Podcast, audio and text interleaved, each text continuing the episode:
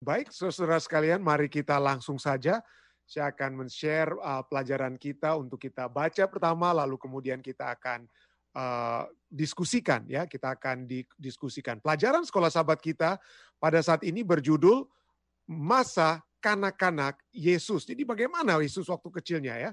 Apakah ada banyak yang kita bisa lihat dari dalam Alkitab yang menjelaskan tentang masa kanak-kanak Yesus? Kita sudah pelajari bahwa ini sehubungan dengan keluarga, bahwa, bahwa pendidikan itu utama yang harus terjadi di dalam pendidikan di keluarga eh, anak-anak kita itu haruslah sesuatu yang terjadi di dalam keluarga, di dalam rumah tangga. Jadi malam ini kita akan melihat bagaimana masa kanak-kanak daripada Yesus tanggal 5 uh, Oktober ya.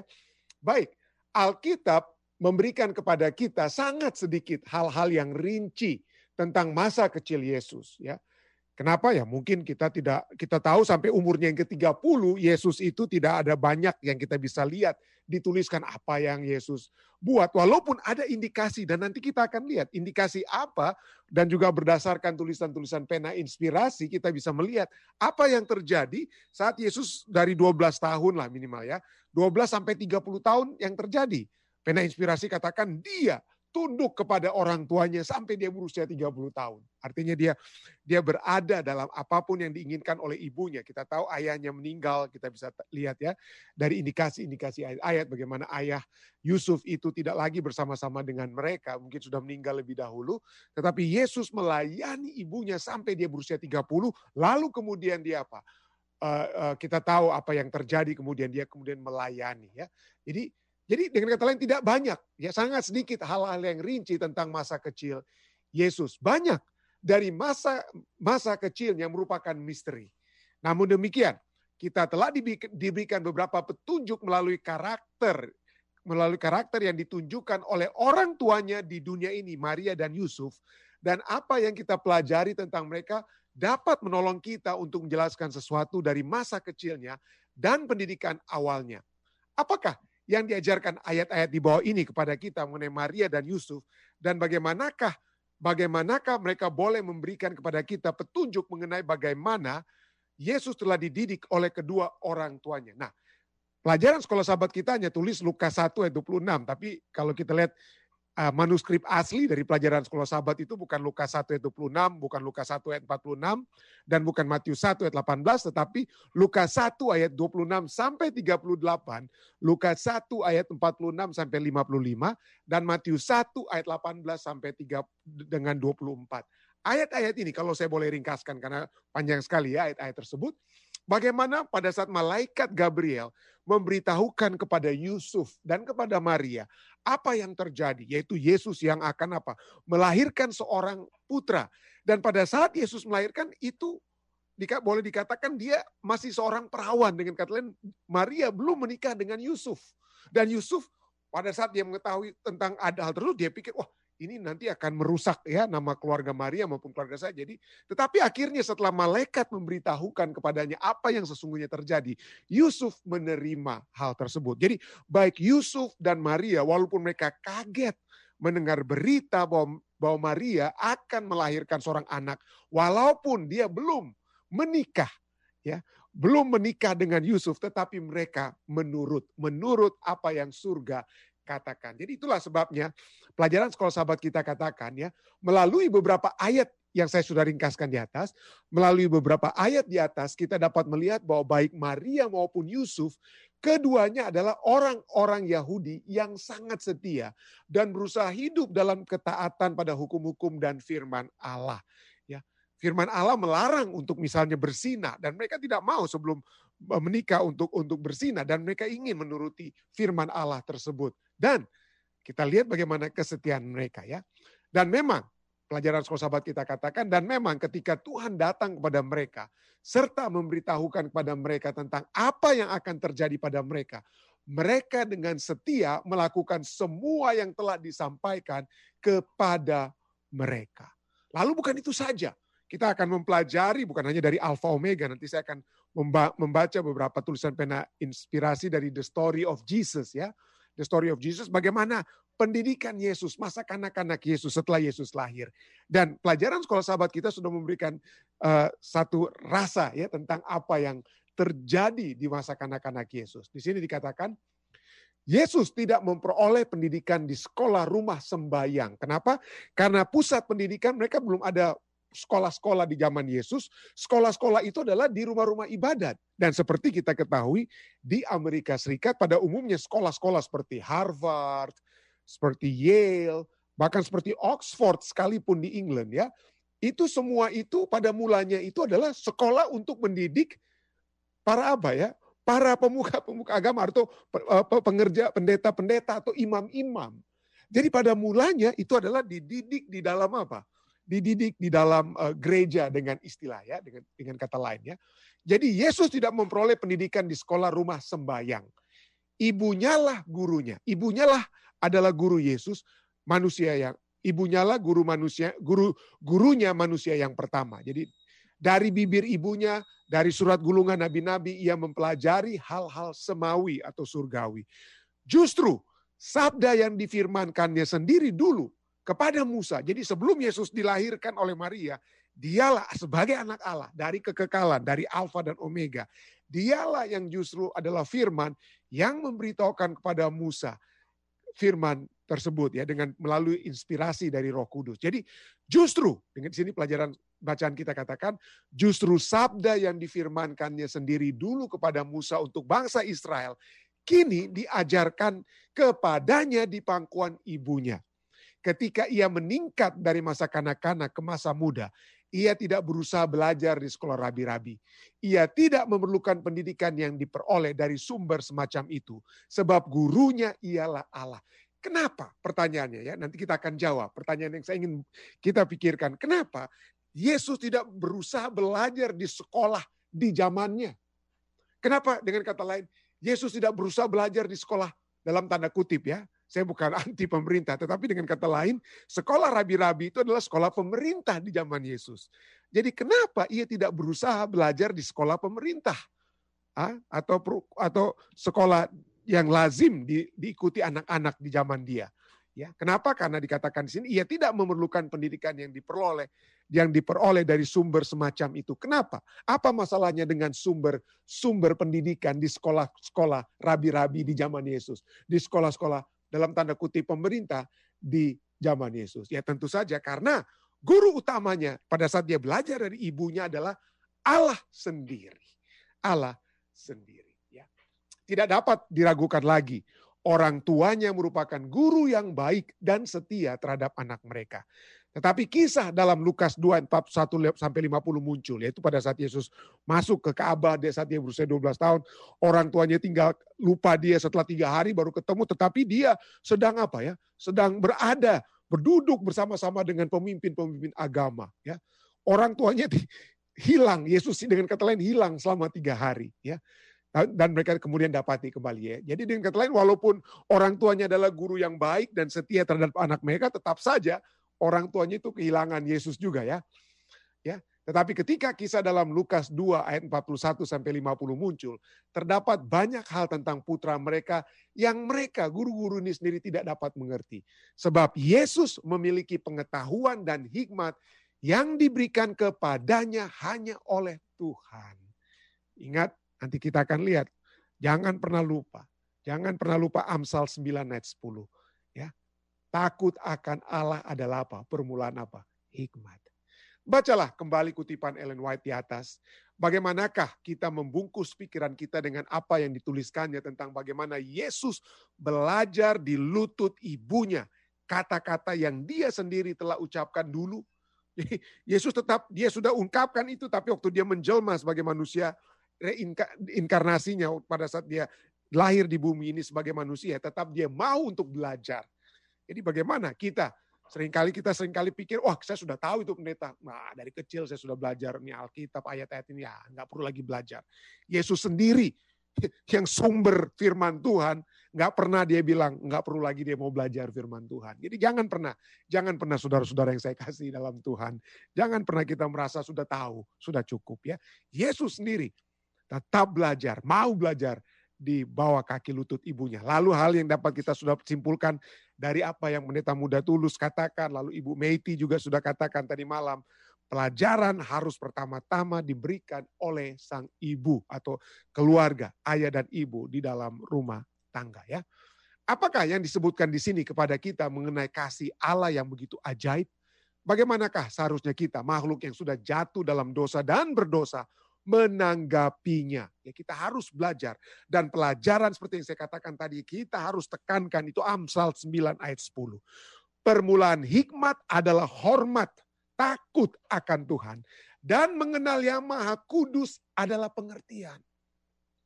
Jadi kalau kita ingin di percuma dengan kata lain, percuma kita memenangi Nobel untuk ekonomi, fisik, kimia dan eh, dan lain sebagainya, kita menang hadiah Nobel, tetapi kita tidak mempunyai apa? Takut akan Tuhan, dan kita tidak mengenal yang maha kudus. Percuma. Kenapa? Betul, bangga saya kalau saya dapat Nobel fisika misalnya. Tapi coba Anda, saya, saya ingin tanya kepada Anda, berapa banyak di antara Anda yang mengenal penerima-penerima Nobel fisika tahun-tahun sebelum ini? Coba ada yang angkat tangan bisa kira-kira yang mengenal, yang mengingat nama pemenang hadiah Nobel. Ya, mungkin yang terkenal itu ya ya atau ataupun ilmuwan terkenal kita cuma bisa sebutkan kayak Albert Einstein dan lain sebagainya. Betul. Kita bisa kenal mereka. Tapi seberapa lama dan sampai kapan? Apakah ada keuntungannya untuk kehidupan kekal dengan kata lain ya? Jadi pengenalan apa yang penting? Atau Anda bisa mengenal nama orang yang terkenal sekalipun tetapi tidak memiliki karakter yang baik. Apakah itu dapat menjadi satu hal yang baik untuk dikenang? Tapi marilah kita melihat Amsal 9 ayat 10. Permulaan hikmat adalah takut akan Tuhan. Dan mengenal yang maha kudus adalah pengertian, adalah pengetahuan.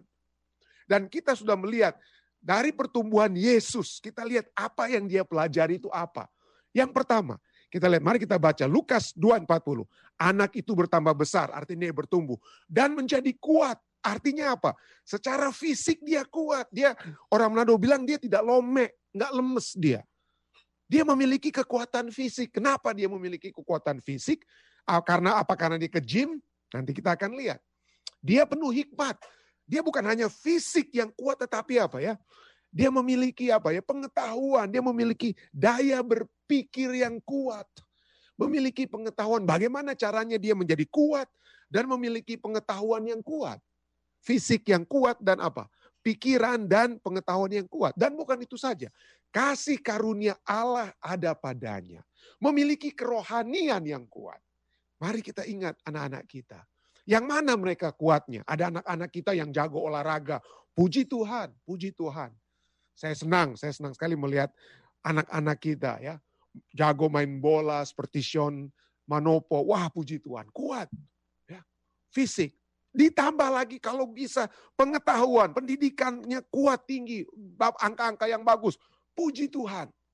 Mari kita lengkapi anak-anak kita dengan yang ketiga, kerohanian yang kuat. Jadi bukan hanya fisik yang kuat, otak atau pemikiran yang kuat, tapi yang ketiga adalah apa? Kerohanian yang apa? Yang kuat, lengkap. Lengkap yang Yesus miliki. Lukas 2 52 kemudian menambahkan ya, Yesus makin bertambah besar, dan bertambah juga apa? Hikmatnya, pengetahuannya, pikirannya. Dan besarnya, kekuatan fisiknya. Dan makin dikasih oleh Allah dan apa? Dikasih oleh Allah dan manusia. Dia apa dikatakan memiliki kerohanian dan sosial. Dikasih oleh apa? Manusia. Seringkali kita melihat ya istilah anak-anak muda kita saat ini ya dikatakan oh mereka itu nerd nerd. Artinya mereka mungkin pintar, tapi tidak tahu apa, bersosialisasi. Ya. Tidak ada sosialisasinya, tidak tahu tentang hal-hal lain selain mungkin tentang elektronik mereka yang mereka miliki. Tapi mari kita melihat di sini bahwa Yesus memiliki pertumbuhan yang lengkap. Pertumbuhan Yesus bukan hanya pertumbuhan pengetahuan, uh, uh, pemikiran, tetapi juga emosional, fisik yang kuat dan hal-hal lainnya yang sangat lengkap. Story of Jesus katakan ya, bagaimana kekuatan fisik itu dia peroleh? Karena dengan setia dan gembira dia melakukan bagiannya dalam membantu menunjang keluarga. Dia Begitu dia cukup dewasa, dia belajar bekerja dan bekerja di tempat tukang kayu bersama dengan Yusuf. Dia bekerja. Jadi dengan kata lain jangan kita pikir, wah pendeta, masa anak-anak kita ya kasih dia belajar lah pendeta. Jangan jangan jangan kasih anak-anak kita ini apa ya untuk bekerja. Fokuslah dia untuk belajar di di depan komputer. Jangan Saudara. Kalau bisa bantu, kalau dia anak laki-laki bantu dia apa? Bantu apa ya? Bikin bersih mobil, bantu ganti ban, bantu kerja di kebun atau apa kalau kita punya kebun, bantu bapak Acul, suruh. Bukan berarti kita sedang mendapat apa? Pekerja gratis ya, tidak. Kita membantu mereka agar fisik itu apa ya? berkembang. Kalau yang perempuan mungkin kita ajar mereka bantu untuk masak, bantu atau apalah yang yang dapat dilakukan. Saya saya sudah bukan sedang membuat stereotip laki-laki yang di mobil, perempuan di dapur, tidak ya. Tetapi poinnya adalah adakah kita melatih anak-anak kita untuk bekerja di rumah, membantu kita bekerja di luar. Jangan hanya mereka kita kasihan ya main games, kita kasih biar mereka belajar, habis itu istirahatnya main game. Jangan. Istirahatnya dia cuci piring. Suruh dia cuci piring anak-anak kita. Ya kerja bepel di rumah atau apa. Bekerja di rumah ya. Dia tidak menggunakan kekuatan ilahinya. Pelajaran kita katakan uh, Story of Jesus ya buku ini halaman 34 katakan dia tidak menggunakan kekuatan kekuatan ilahinya untuk membuat hidupnya lebih mudah bagi dirinya sendiri. Tidak ya. Saat Yesus bekerja, saat Yesus bekerja di masa kanak-kanak dan remaja, dia tumbuh kuat dalam tubuh dan pikiran. Jangan sampai anak-anak kita lome hanya karena duduk-duduk, belajar, makan, main games. Nah, jangan. Usahakan mereka untuk bekerja. Dia mencoba menggunakan semua kekuatannya sedemikian rupa untuk menjaga mereka tetap sehat, tetap sehat. Sehingga dia dapat melakukan pekerjaan terbaik di setiap hal yang dia lakukan. Jadi dengan kata lain, Yesus bekerja di rumah, makanya dia tidak lome, nggak lemes. Ya, kerja, ya, kerja secara fisik, kerja secara fisik. Kekuatan pikiran, ya. Bagaimana dia mengembangkan pendidikannya? Pendeta, kalau dia kerja-kerja di rumah sebagai tukang kayu, bagaimana dengan pengetahuannya? Well, kita lihat di zaman Kristus, pelajaran kita. Di zaman Kristus orang Yahudi sangat memperhatikan pendidikan anak-anak mereka. Sekolah mereka itu terhubung dengan sinagoga atau tempat ibadah ya atau tempat ibadah dan para di guru disebut rabi atau orang-orang yang dianggap sangat terpelajar. Kenapa Yesus tidak pergi seperti kita sudah baca? Kenapa? Yesus tidak pergi ke sekolah-sekolah ini karena mereka mengajarkan banyak hal yang tidak benar. Ya kita sudah tahu bahwa pendidikan pendidikan-pendidikan di sekolah-sekolah di luar uh, uh, gereja ya dengan kata lain mengajarkan hal-hal yang tidak benar. Misalnya mengajarkan teori evolusi ya. Mengajarkan hal tidak benar. Jadi harus hati-hati, harus kita seimbangkan. Saya tahu seperti saya katakan ya, mungkin secara finansial mungkin banyak yang tidak memiliki kemampuan tetapi coba kita lihat ya. Kita bisa menggunakan uang kita untuk makan ini, pergi ke sini ke situ. Kenapa kita tidak bisa simpan uang kita untuk supaya anak-anak kita itu kita didik di sekolah-sekolah yang mengajarkan tentang Tuhan. Sekolah-sekolah Advent misalnya ya. Mungkin ada katakan mahal, sekolah pemerintah gratis. Tapi sekali lagi, mari kita duduk berhitung. ya Seberapa banyak? Apakah kita lebih mementingkan punya mobil baru setiap tiga tahunnya? Daripada perkembangan pikiran, perkembangan rohani anak-anak kita? Mari kita berhitung, betul. Sekolah Advent, sekolah-sekolah kita itu tidak dapat banyak bantuan seperti sekolah pemerintah, makanya agak mahal. Tapi tapi tidak ada yang mustahil. Tuhan katakan ya, segala perkara dapat dikutanggung di dalam dia yang memberikan kekuatan kepadaku. Mari kita minta kepada Tuhan agar supaya anak-anak kita diajarkan hal yang benar. Mari kita terus baca ya. Jadi Yesus tidak pergi ke sekolah-sekolah ini karena mereka mengajarkan banyak hal yang tidak benar. Alih-alih firman Tuhan, perkataan manusia dipelajari dan sering kali ini bertentangan dengan apa yang telah diajarkan Tuhan melalui para nabinya. Jadi bayangkan, Yesus tidak pergi ke sekolah gereja di saat di zaman dia oleh sebab sekolah gereja di atau sinagoga, sekolah tempat ibadah di zaman Yesus itu walaupun belajar tentang firman Tuhan tapi salah interpretasinya. Jadi itu pun sebabnya Yesus tidak diajarkan di tempat-tempat tersebut. Ya. Dengan kata lain, dengan kata lain Yesus tidak mau masuk ke sekolah yang apa ya, yang bukan se, sealiran dengan apa ya? Sealiran dengan firman Tuhan. Yang yang yang tidak sealiran dengan kata lain, sekolah yang tidak sealiran dengan firman Tuhan, dia mau mempelajari hanya firman Tuhan yang apa? Diajarkan seperti yang diajarkan para nabinya. Tulisan ini kemudian lanjutkan, pena inspirasi katakan, Tuhan sendiri oleh roh kudusnya memberi petunjuk kepada Maria bagaimana cara membesarkan putranya. Jadi Story of Jesus halaman 30 ini kemudian katakan, Maria mengajar Yesus dari kitab suci. Dan dia, Yesus sendiri, belajar membaca dan mempelajarinya untuk dirinya sendiri. Jadi dia bukan hanya apa yang dikatakan, tidak cukup apa yang dikatakan ibunya, tetapi dia kembangkan sendiri pelajaran tersebut. Artinya dia refleksikan, dia pikirkan terus-menerus pelajaran itu sendiri. Bukan hanya itu saja, bukan hanya kitab suci. Yesus bukan hanya untuk menjadi seorang pengkhotbah atau apa ya. Tidak. Yesus juga senang mempelajari hal-hal menakjubkan yang diciptakan Tuhan di bumi dan di langit. Dalam kitab alam ini, dia melihat pepohonan dan tumbuhan dan hewan dan matahari dan bintang-bintang. Hari demi hari dia memperhatikan mereka dan mencoba untuk belajar dari mereka dan untuk memahami latar belakang atau alasan dari segala hal. Coba lihatlah anak-anak kita ya kalau bisa, kalau memang ya kalau sudah besar ya sering kali udah udah nggak mempan ya. Tapi kalau masih kecil, ajak mereka untuk mana? Ke gunung. Di Amerika Serikat ini banyak sekali uh, national park ya. Ajak anak-anak kita keluar, lihat pohon, lihat burung. Bukan hanya untuk melihat begitu saja. Daripada mereka cuma main-main games ya. Tapi ajak dan dan pada saat mereka melihat pohon, bintang uh, dan segala macam yang di luar, di alam di luar, Coba ajak mereka untuk berpikir, kenapa? Kenapa ini hewan ini, kok ini tingkah laku hewan ini begini ya? Coba untuk apa? Belajar memahami latar belakang, the reason behind dari segala hal. Belajar untuk mengajak bertanya kepada anak-anak Anda supaya mereka apa? Berpikir. Yang sering kali apalagi di Indonesia, nah, saya percaya itu cuma zaman dulu, apalagi sekarang mungkin sudah berubah ya. Kita Sistem pendidikan kita itu sesuatu yang kita transmit dari guru kepada murid di, di apa? Di, di, di, di, disalurkan, disalurkan ya. Makanya guru segala sesuatu guru tulis di papan tulis, murid catat semua, murid hafal. Jadi segala sesuatu hanya diturunkan, diturunkan, diturunkan, diturunkan. Tetapi sistem pendidikan yang benar bukan sesuatu yang bukan saja apa yang diturunkan, tetapi sesuatu yang kita kembangkan. Caranya kembangkan itu belajar untuk berpikir. Ya, caranya berpikir. Kenapa ini? Jadi biarkan anak-anak kita untuk apa? Berpikir.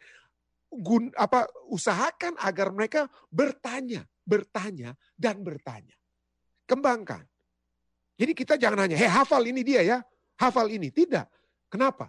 Ayo coba kira-kira ya bagaimana? Kenapa sampai ini terjadi ya kira-kira? Supaya mereka bisa apa? Berpikir itu kekuatan pikiran mereka pada saat mereka apa? Bertanya. Pada saat mereka bertanya. Jadi jangan diketok kepala mereka kalau kalau mereka sering kali bertanya lalu Anda mungkin karena Anda tidak tahu cara menjawabnya langsung Anda orang Manado bilang kesel atau pasti langsung diketok kepala mereka. Jangan ya, biarkan mereka apa? Bertanya. Dan bukan itu saja. Kekuatan rohani. Ya, kenapa Yesus memiliki kekuatan rohani? Mari kita baca Story of Jesus halaman 31 32 katakan, di zaman Kristus orang-orang menjadi dingin dan formal dalam pelayanan mereka kepada Tuhan. Mereka lebih memikirkan kesenangan mereka sendiri daripada kebaikannya kepada mereka. Lebih memikirkan diri sendiri daripada kebaikan Tuhan kepada kita. Namun tidak demikian demikian halnya dengan Yesus. Dia senang memikirkan tentang Tuhan. Dan kalau Anda senang memikirkan tentang Tuhan, Tuhan akan menyenangi Anda. Makanya Tuhan mengasihi Yesus ya.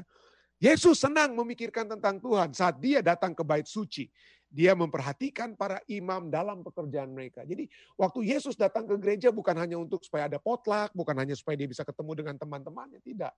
Bukan hanya untuk makan, tidak. Tapi Yesus datang ke bait suci memperhatikan para imam dalam pekerjaan mereka.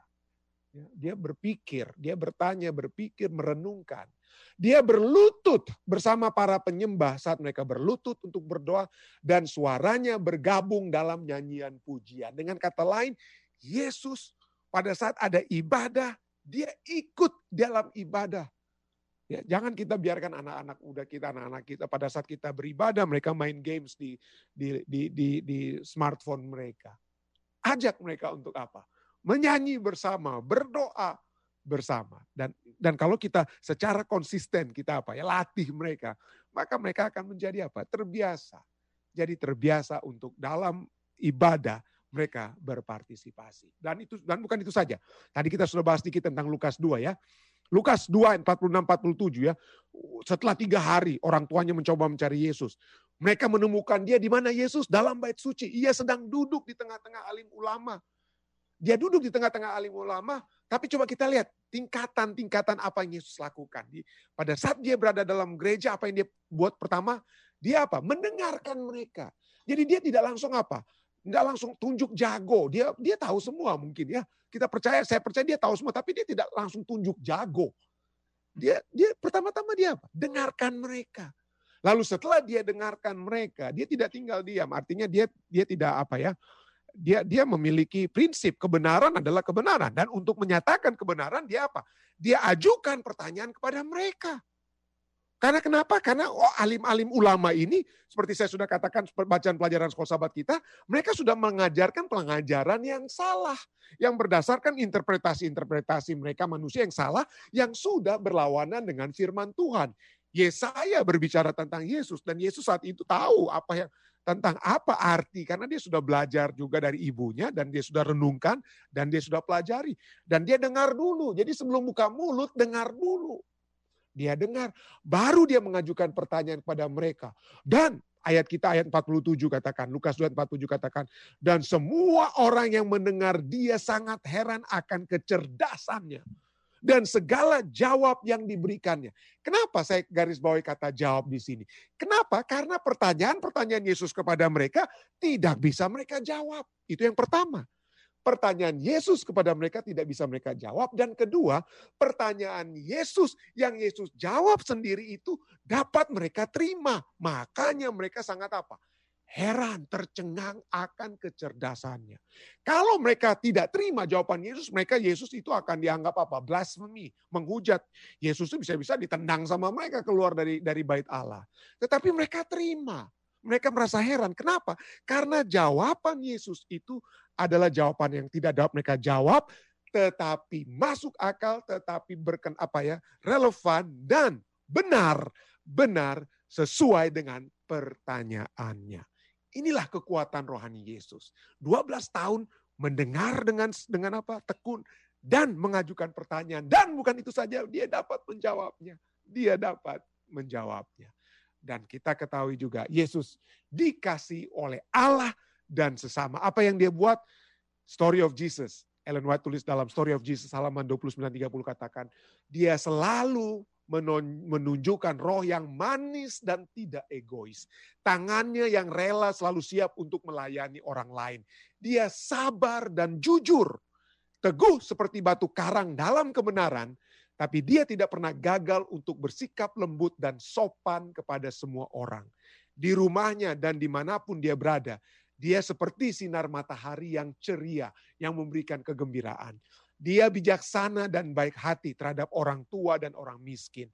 Dan dia menunjukkan kebaikan bahkan kepada hewan yang terlemah bijaksana, baik hati terhadap orang tua. Banyak anak muda sudah nggak nggak sabar terhadap kita yang tua-tua ini ya. Tapi dia tetap menunjukkan apa? Kebaikan hati, kebijaksanaan kepada orang tua yang miskin dan bahkan kepada hewan yang terlemah. Dia akan merawat burung kecil yang terluka dengan lembut dan setiap makhluk hidup menjadi lebih bahagia ketika Yesus berada di dekat mereka. Inilah kekuatan rohani, kekuatan pikiran, kekuatan fisik yang Yesus miliki, pertumbuhan yang lengkap yang dia miliki. Kenapa? Karena permulaan hikmat adalah takut akan Tuhan dan mengenal yang Maha Kudus adalah pengertian. Inilah yang dapat saya tambahkan sesuai pelajaran sekolah sahabat kita. Jika ada tambahan-tambahan lain ataupun hal-hal yang dapat ditanyakan, silakan. Ada pendeta muda tulus di sini juga yang dapat menjawabnya ya. Silakan saudara, jika ada pertanyaan, pertanyaan ataupun tambahan-tambahan, silakan. Ada kira-kira? Ya. Pendeta muda tulus mungkin ada yang mau ditambahkan? Tidak ada. Eh, Ketua Ridwan, Pendeta uh, Pendeta Da Costa, Pendeta. Oh, silakan. Ya, uh, saya ingin bertanya, pendeta. Ya. Saya ingin bertanya karena kalau kita lihat cerita di mana waktu Yesus masih kecil, dia ada dalam bait Allah dan dia ditinggalkan oleh orang tua dia. Bahkan ketika orang tuanya kembali bertemu dengan Yesus, orang tuanya justru memarahi dia kalau dalam cerita itu kan. Ya. Orang tuanya justru memarahi dia. Kenapa kamu apa um, tidak bersama-sama dengan orang tua, gitu kan? Nah, yang saya ingin tanyakan di sini, di dalam Alkitab dibilang begini kan Efesus 6 ayat 1, hai anak-anak hormatilah orang tuamu di dalam Tuhan karena haruslah demikian. Nah, pada saat kapan kita menurut kepada orang tua karena uh, bisa saja apa yang dikatakan oleh orang tua itu ada yang salah. Contohnya, uh, saya berikan contoh ilustrasi, ada seorang anak, orang tuanya dicari-cari mau ditanya hutang. Tapi ketika orang tuanya dicari-cari ini, orang tua berpesan kepada nih kalau ada orang ada orang yang cari, uh, bilang mama lagi keluar atau papa lagi keluar. Dan secara tidak langsung seakan-akan anak itu dididik untuk menjadi seorang uh, pendusta. Kalau dalam cerita dalam Alkitab juga, contoh waktu Esau dan Yakub, Ribka suruh Yakub untuk berbohong juga kepada uh, ayahnya. Dalam ini pertanyaan saya pendeta, pada saat kapan kita menghormati orang tua dan pada saat kapan uh, kita tidak menurut sedangkan Alkitab bilang bahwa harus menghormati orang tua. Itu saja pendeta.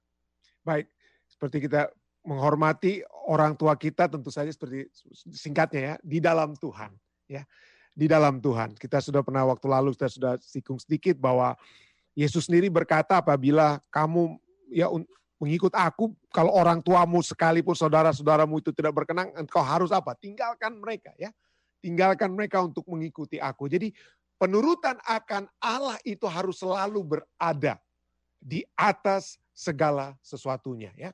Berada di atas segala. Tentunya saja waktu Yesus tentunya waktu dia di, uh, ditegur oleh orang tuanya, "Mengapa engkau membuat demikian terhadap kami? Ah, kami cemas mencari engkau." Lalu Yesus Yesus menjawab mereka ya, Tentu, tentu saja kita sering kali pikir bahwa Yesus menegur mereka. Tetapi Yesus saya pikir bukan menegur mereka. Yesus memberikan penjelasan dan saya pikir nada suara Yesus itu tetap nada yang penuh hormat. ya. Kenapa?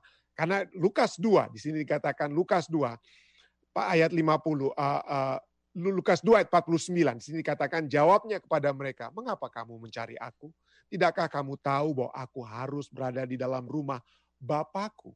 Ini bukan sedang dia sedang apa? Dia sedang menegur orang tuanya, tetapi dia sedang melihat bahwa ada ada yang lebih di atas daripada orang tua. Orang tua duniawinya adalah orang tua apa? Surgawinya. Ya, mengapakah engkau apa ya? Mengapakah kamu mencari aku? Tidak tahukah kamu bahwa aku harus berada dalam rumah Bapakku? Dengan kata lain, Yesus harus berada juga di bawah apa? di atas daripada orang tuanya itu berada di bawah di atas di bawah apa ya? Kuasa dari bapaknya di surga. Tentu saja ayat 50 katakan tetapi mereka tidak mengerti apa yang dikatakannya kepada mereka.